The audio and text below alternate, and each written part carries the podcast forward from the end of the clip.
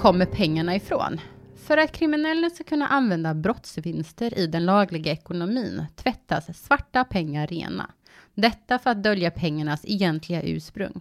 I dagens avsnitt ska vi prata om penningtvätt. Mitt namn är Åsa Lundin och idag har vi med Marie Wallin som är jurist och tidigare kammaråklagare. Hej Marie! Hej! Och välkommen till Larmtjänstpodden. Tack så jättemycket. Eh, du har ju faktiskt varit med här i ett annat sammanhang. Eh, men eh, för de som inte har hört avsnittet, så bara jättekort presentation om vem du är. Ja, men som sagt jurist och tidigare kammaråklagare här i Stockholm, där jag bor. Och nu så arbetar jag i eget företag med mycket kring de här frågorna som jag också jobbar med som åklagare. Så bedrägerier, penningtvätt och utbildar även poliser om det här. Och sen får jag även uppdrag från privata företag att föreläsa om det här. Perfekt, ett komplext ämne eh, och många tror inte jag kanske riktigt har koll på vad begreppet penningtvätt eh, innebär. Kan inte du bara, vad är penningtvätt? Ja, och det är precis som du säger, det är så stort och vad är det egentligen? Så att man kan väl egentligen säga att det handlar om att sopa igen eh, spåren från brotts, ja, från brott helt enkelt, alltså använda brottsvinster och att det är svårt att hitta en definition, utan jag brukar snarare lite vända på det att hur agerar en penningtvättare ja. och tänka så att vad är syftet med vissa upplägg och så, snarare än att man har en definition som man liksom fastnar i. För att det är egentligen fanta fantasin som sätter gränser. Mm. Vad, kan du ge något exempel på en penningtvätt? Ja men det finns ju de här mer, om man säger som man kanske tänker klassiska uppläggen med bankkonton och olika transaktioner. Mm. Och det är väl det mycket man jobbar med i finansbranschen och spårar. Men sen kan det ju också vara att man har begått ett brott, narkotika, bedrägeri eller någonting och har kontanter hemma eller man har pengar som man liksom på något vis eh, vill få in, som du sa, i det legala. Och då kan man ju köpa någonting i handeln, alltså den helt vanliga handeln eh, och kräva öppet köp. Mm. Eh, och då är det brottspengar du handlar med. Mm. Och sen efter två dagar så lämnar du tillbaka varan och säger kan du sätta in de här pengarna på mitt konto? Mm. Och då har man ju genom handeln då i det fallet tvättat. Så att det behöver inte vara så avancerat och det Nej. behöver inte kräva så mycket egentligen muskler för att göra det. Verkligen inte. Jag tror att många missar den, eh, den delen i penningtvätt också. Att man inte alls tänker att det faktiskt kan vara penningtvätt. Nej, och det behöver inte vara några stora summor heller. Nej. Ehm, så det är väl mycket mer att tänka sig, hur kan en penningtvättare eh, kunna utnyttja mig, och det är liksom även privatpersoner, eller hur mm. kan en penningtvättare kunna tänkas utnyttja min verksamhet, vad är mm. mina svaga länkar? Mm. Vad, eh, om vi bara ska se till den straffrättsliga meningen, vad är penningtvätt eh, där? Ja, och det är det som också är så viktigt som du säger, att det är, liksom, det är ju två system om man säger så, penningtvätt enligt det som man kanske mer tänker om med bankerna enligt den här penningtvättslagen. Men sen det som jag är mer specialist på det är den här straffrättsliga penningtvätten, så det är en annan lag som finns parallellt. Mm. Eh, och då är det ju olika typer av handlingar där som är brott. Mm. Eh, men det kan vara i, i tredje paragrafen, om man ska gå in i paragraferna, så kan man väl se mer det klassiska upplägget att man på något vis förvarar eller innehar någonting som man har en koppling till brott. Alltså det kan både vara pengar, kontanter eller någonting på ett konto och det kan mm. vara kryptovalutor men även saker. Så mm. det kan ju vara det här mer klassiska man tänker en klocka eller någonting. Eh, och sen så är det någonting som du helt enkelt har på dig. Eh, förvär har förvärvat på, på fel väg och mm. har. Det är liksom en del av penningtvätt.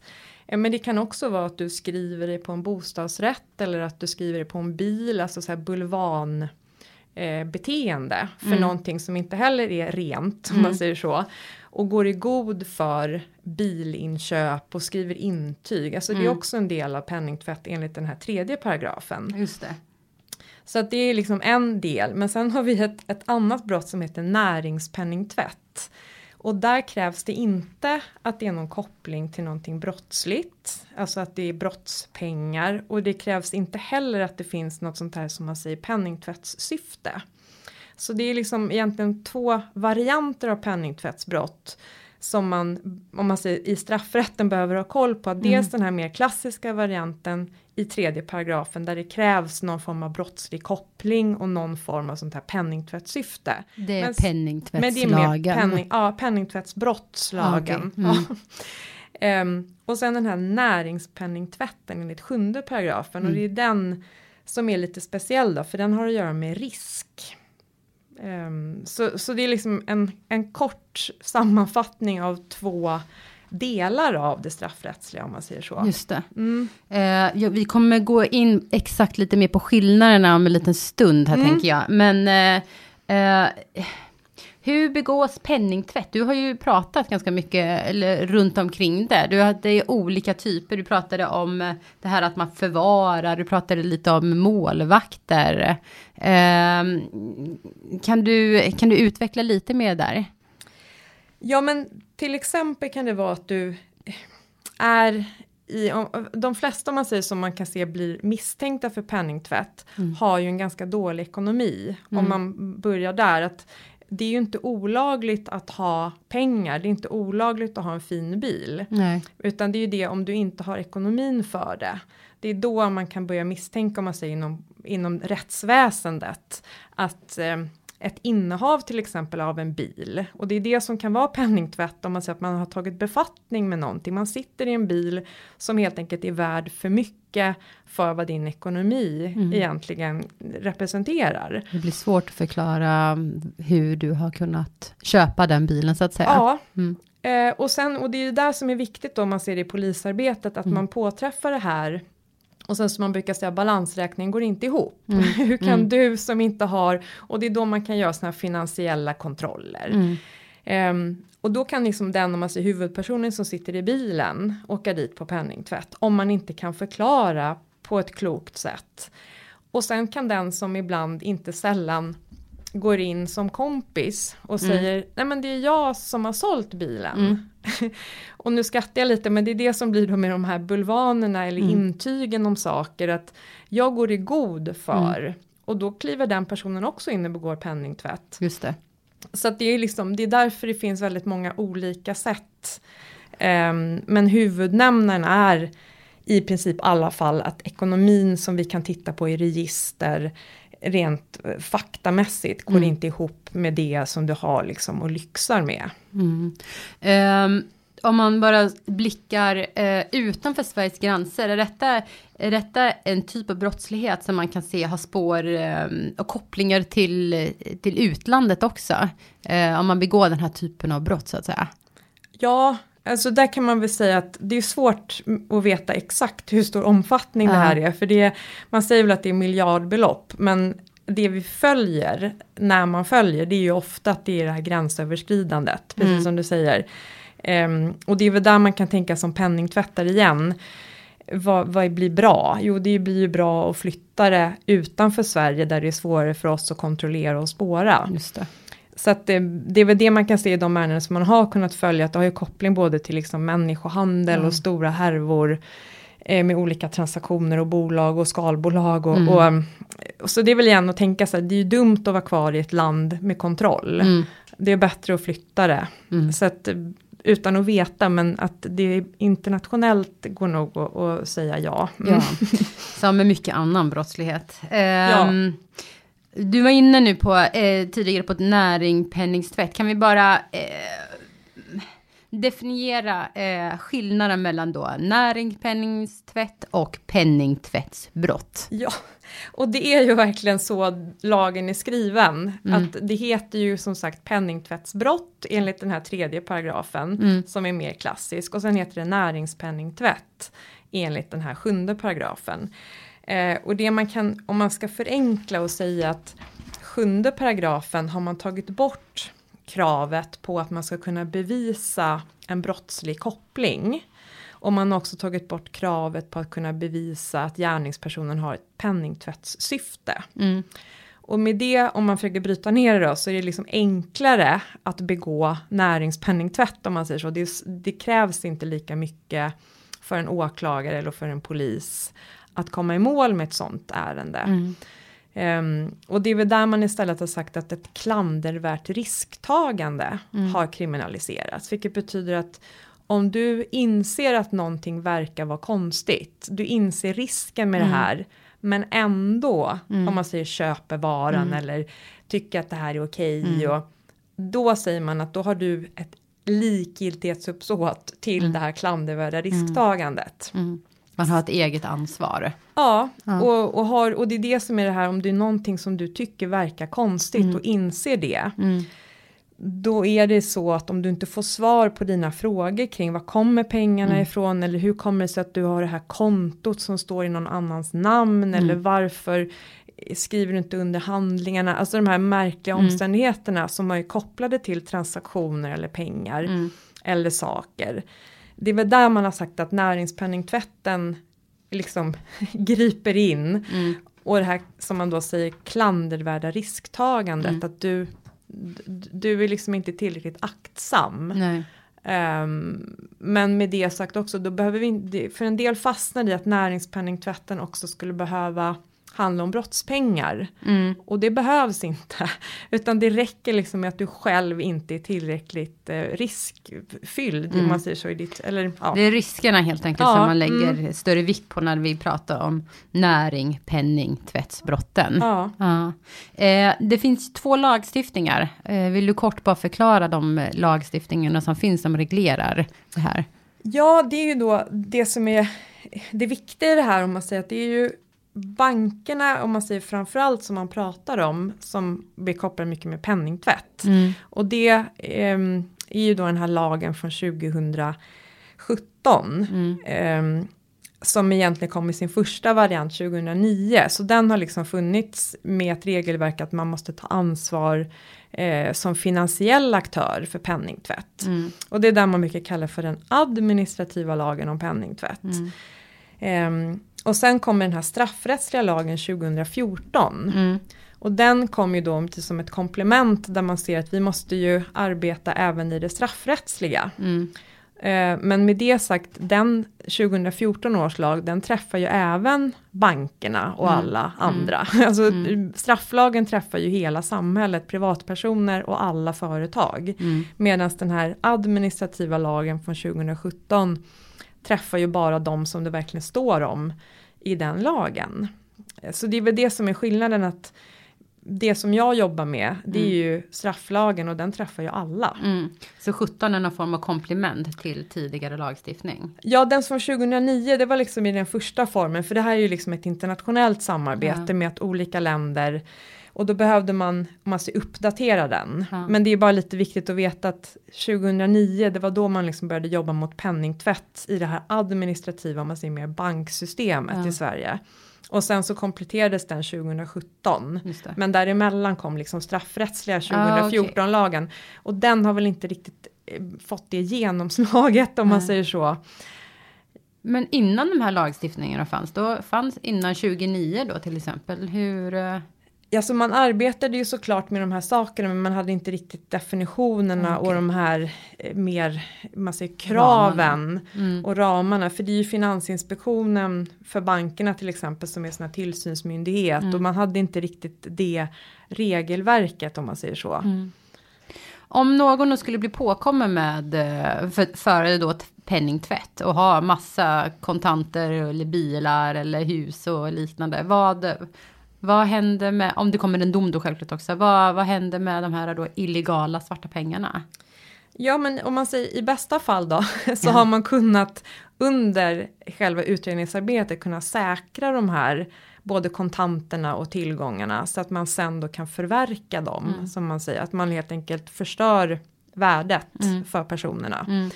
Ehm, och det är ju också om det finns processer i det här som har varit med målsäganden. Ibland finns det ju bedrägerier och sånt som ligger i grund. Och då kan man också använda värdet av det här till att ge målsägandena skadestånd. Mm.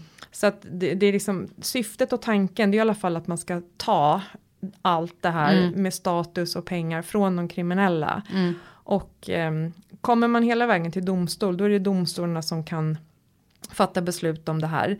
Ehm, men ibland, och det är också lite viktigt att veta att det finns ju andra myndigheter som jobbar runt omkring, till exempel Kronofogdemyndigheten. Så då kan man också i en förundersökning om man märker att vi går inte i mål med vårat brott. Eh, på det sättet eh, i vissa fall ge informationen till Kronofogdemyndigheten och då kan de använda sina verktyg. Okay. Så tanken är någonstans med helheten att det ska inte löna sig att begå brott. eh, eh, vilka är det som eh, begår penningtvätt? Eh, är det, men, är det organiserat eller vad, vad, är det, vad finns det för gärningsmän bakom det här? Ja, alltså det är ju det där, det man upptäcker ja. är ju en sak och då ja. kan man ju se att det är väldigt blandat. Ja. Det är både de som verkligen är organiserade som har bolagsstrukturer och bolagsformer i enda syfte att jobba så här. Um, men sen kan det också vara det vi ser ibland privatpersoner som får ett erbjudande. Kan jag få låna ditt konto och du får 5000 av mig för det? Mm. Ja, säger man då. Så mm. det finns liksom ganska många om man säger i riskzonen unga personer som man också kan gå ut och se som att man blir någon form av bulvan, ens konto används och så. Så att um, rent generellt så kan det liksom slå högt och lågt. För jag, du är inne på den frågan, jag hade en fråga sen om man av misstag kan råka begå då penningtvätt utan att veta om det. Och det, det kan man. Alltså rent hur man liksom bygger upp skuld och så i Sverige, då är det ju så här att man ska ha någon form av uppsåt eller oaktsamhet. Ja. Men man kan säga att det räcker att vara omedvetet oaktsam. Ja. Det vill säga vad borde du ha insett? Ja. För att du ska begå brott. Och mm. därför kan man ju ibland sitta och se scenarion som man får beskrivna för sig. Att vi har ju penningtvätt i väldigt många situationer som inte går vidare till dom och mm, åtal. Mm, mm. Um, men i och med att det inte krävs jättemycket i, i uppsåt, för eftersom att det till och med finns oaktsamhetsbrott. Mm. Så kan man väl säga att det, det begås nog väldigt mycket penningtvätt som inte kommer upp till ytan. Mm. Ett mörkertal då. Uh, hur, um, hur kan man, det känns, eh, penningtvätt känns ju så komplext, det finns ju så olika uh, nivåer av det. Hur, hur kan man motverka penningtvätt? Går det? Ja, nej, men det är väl just det som du sa, det är komplext och det är olika nivåer och det slår liksom högt och lågt och olika varianter. Mm. Och nu har vi bara varit inne på jättelite av vad som finns i straffrätten. Men mm. när man ser på allt som är kriminaliserat så kan man ibland, det, alltså, det går ju inte att motverka för det är så otroligt många delar mm. eh, i samhället och sen att man inte har tillräcklig liksom, kapacitet att kunna komma åt allt som är brottsligt. Mm. Eh, men det viktiga där tror jag, det är väl kunskapen i båda delar att man tänker de som sitter i kundkännedomsprocesser i banker, mm. finansinstitut eller mm. även i andra sammanhang. Att man ser till att vara lite jobbig, ställa de här frågorna mm. om var pengarna mm. kommer ifrån eller när man ska köpa någonting. Mm. Eh, och sen om man även sitter i en avtalssituation att man då när det ska ske transaktioner eller utbetalningar också är jobbig om man mm. använder det ordet. Um, för det, det, brukar ju vara så också att när man ser en brottslighet som ökar eller någonting, mm. då brukar man fråga sig varför är de här? Mm. Och då är det ofta liksom om det är enkelt att mm. begå brott någonstans, då fortsätter man ju. Mm. Så att det är väl lite ett, ett helhetsgrepp för att besvara din fråga, liksom mm. att både de som sitter i det finansiella men även om man ser alla aktörer som har med kunder och mm. pengar att göra, mm. Så att, vara, att både det att ha kunskap, eh, men vara jobbig i, i sina frågor och kontrollera eh, pengarna helt enkelt. Ja, för jag tänker vi som inte är penningtvättare, ja. vi kan ju ofta svara på frågorna. Ja. Var kommer det ifrån och transaktioner och varför har de här personerna satt in pengar på dina konton? Ja, för att jag hade ute på saker på försäljning på Blocket och så kan man verifiera det. Så att det är lite det om man inte kan verifiera det och inte ha svar Um, och mm. då kanske man vänder sig till en annan aktör och så märker man att det är samma jobbiga frågor mm, där. Mm, så det mm. handlar ju om ett helhetsgrepp så att det inte mm. blir en bank eller ett försäkringsbolag eller en handlare. Utan att man lite så här, vi släpper inte in er här. Um, Jag tänker lite på, du var inne på det i början, uh, det finns ju vissa eh, aktörer där man tänker, som man spontant kanske kopplar mycket till penningtvätt, eller i alla fall där man tänker att här begås det mycket penningtvätt. Vi kan, om vi tittar på finansbranschen och, och banker och eh, och sådär. Vad, vad gör, där det flödar mycket pengar, vad gör de här branscherna för att, eh, att skydda sig? Ja, det är väl, om man säger, de har ju mycket kontrollsystem vad jag Mm. har förstått kring det här med penningtvättslagen där de rapporterar in misstänkt penningtvätt till Finanspolisen och så. Mm. Men beträffande det som vi pratar med om idag, det straffrättsliga, Mm. så har jag inte någon kunskap om hur de arbetar i det. Nej, jag förstår. Mm. Och visst, det finns också ett register som eh, mot penningtvätt. Mm. Och det är kopplat till, Penningtvättslagen, Ja. alltså den här administrativa Mm. mot Finanspolisen. om vi pratar om, eh, om vi, om vi ska se liksom så här, vi ska blicka utåt och se till det större, hur drabbas liksom själva samhället av eh, penningtvätt? Ja, men det är väl lite om man tittar igen på det här med brottsvinster. Att Mm. det någonstans handlar om att sopa bort eh, det brottsliga ursprunget och kunna Mm. liksom använda sig av pengar, saker som du inte har fått in på riktig väg. Mm. Eh, och i det handlar det ju mycket om statussymboler, om man generaliserar lite här med visa upp pengar, kunna Mm. arbeta eh, med, med, med lyxkonsumtion och resor och fina villor och så. Och det blir ju, om man ska se ett större sammanhang, Mm. ofta en drivkraft Mm. med pengar Mm. och status. Och då kan man ju se att det blir för samhället ett problem om du på det sättet kan visa upp dina Mm. snabba pengar, dina snabba bilar. Och de som då är i lite yngre ålder ser det där. Eh, så, så jag ser ju väldigt tydlig koppling till rekryteringen Mm. till de kriminella gängen Just som det. inte sällan har de här statussymbolerna som yngre tittar på. Hur kan Mm. man få det där? Mm. Mm. Så bilar, klockor, lyxliv eh, som ju är penningtvättens, eh, Mm. om man säger grund, Mm. eh, kan ju verkligen vara en anledning till att man väljer en kriminell livsstil. Mm. Så att går man mer hårt på det som vi pratar om där med förverkandereglerna, man liksom plockar sakerna, Ja. Så plockar man ju också statusen. ja, Och på lång sikt så kan man ju se att då kommer ju samhället bli bättre. brott ska inte löna sig helt Nej, enkelt. och idag om man vänder på det som är liksom frågan här, hur drabbas samhället av penningtvätt? Idag är ju signalerna tvärtom. Mm. Det lönar sig att begå Mm. brott om man ska vara lite krass. Mm. Eh, om någon eh, försöker tvätta pengar i ens eh, bolag, hur, du har varit inne på det lite i, tidigare, hur kan, man, hur kan man upptäcka att någon försöker tvätta pengar i ens bolag? Ja, det är väl tillbaka igen till det här lite med om man inte kan eh, hjälpa till att spåra ursprunget. Mm. Alltså var kommer sakerna ifrån? Man ställer frågor i en inledande eh, kontakt. Mm. eh, där man av andra aktörer får verifikat och man får tydlighet. Men av en annan person då får mer slingriga svar. Eh, kopplat just inte Mm. sällan till utlandet, till länder där vi inte har kontroll med banksystem. Eh, så att det är lite om du inte får de bra vanliga förklaringarna. Mm. Kontrollverksamhet egentligen, ställa, Ja. ställa rätt frågor och få, få rimliga svar. Mm. Mm. Och, och det är ju olika delar, dels kan det vara det inledande men sen kan det även vara någon som verkade då okej inledningsvis men som sen på vägen visar sig när vi väl eh, nöter in någonting med något villkor någonstans och Mm. ser då fick vi inte svar. Mm.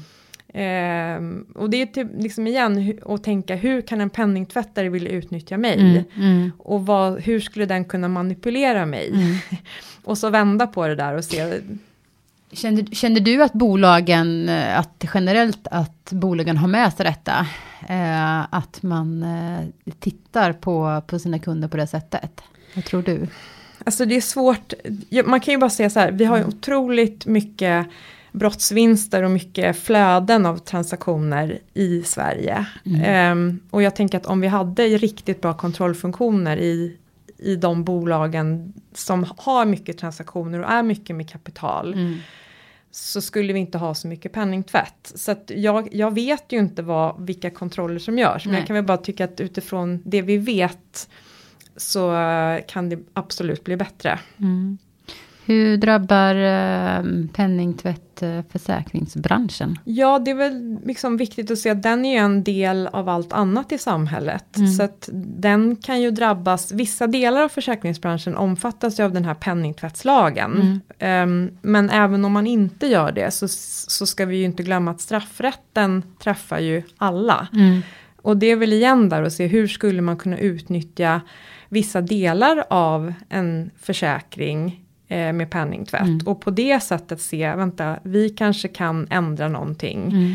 Så att det, det är ju verkligen så, jag vill liksom vända på det, att det är väldigt mycket tror jag man själv i bolag, oavsett var man jobbar, som kan egentligen själv hitta på motåtgärderna. Mm.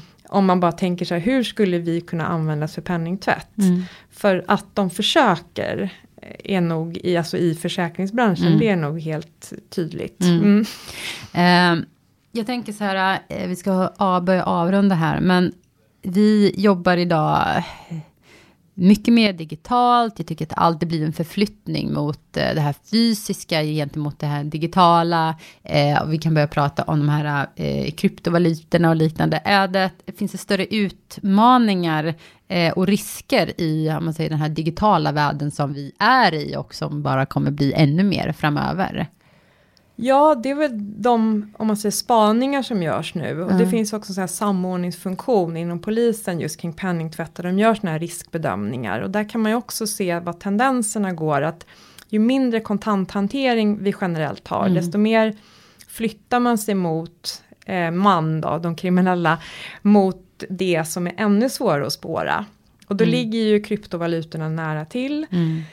Och sen att vi också inte får glömma att det går ju att inneha allt det här lagligt. Mm. Du kan mm. ju ha kryptovalutor utan och det är väl liksom det är ju den dimensionen som jag tror är så viktig att ha med sig. Att bara för att du äger saker eller har kryptovalutor eller vad det må vara så är ju inte det illegalt. Nej, precis. Eh, men det där säger man ju nu i de spaningar och trendanalyser som görs. Att mer mot kryptovalutorna mm. troligen i framtiden mm. för det är ännu svårare att mm. spåra. Mm.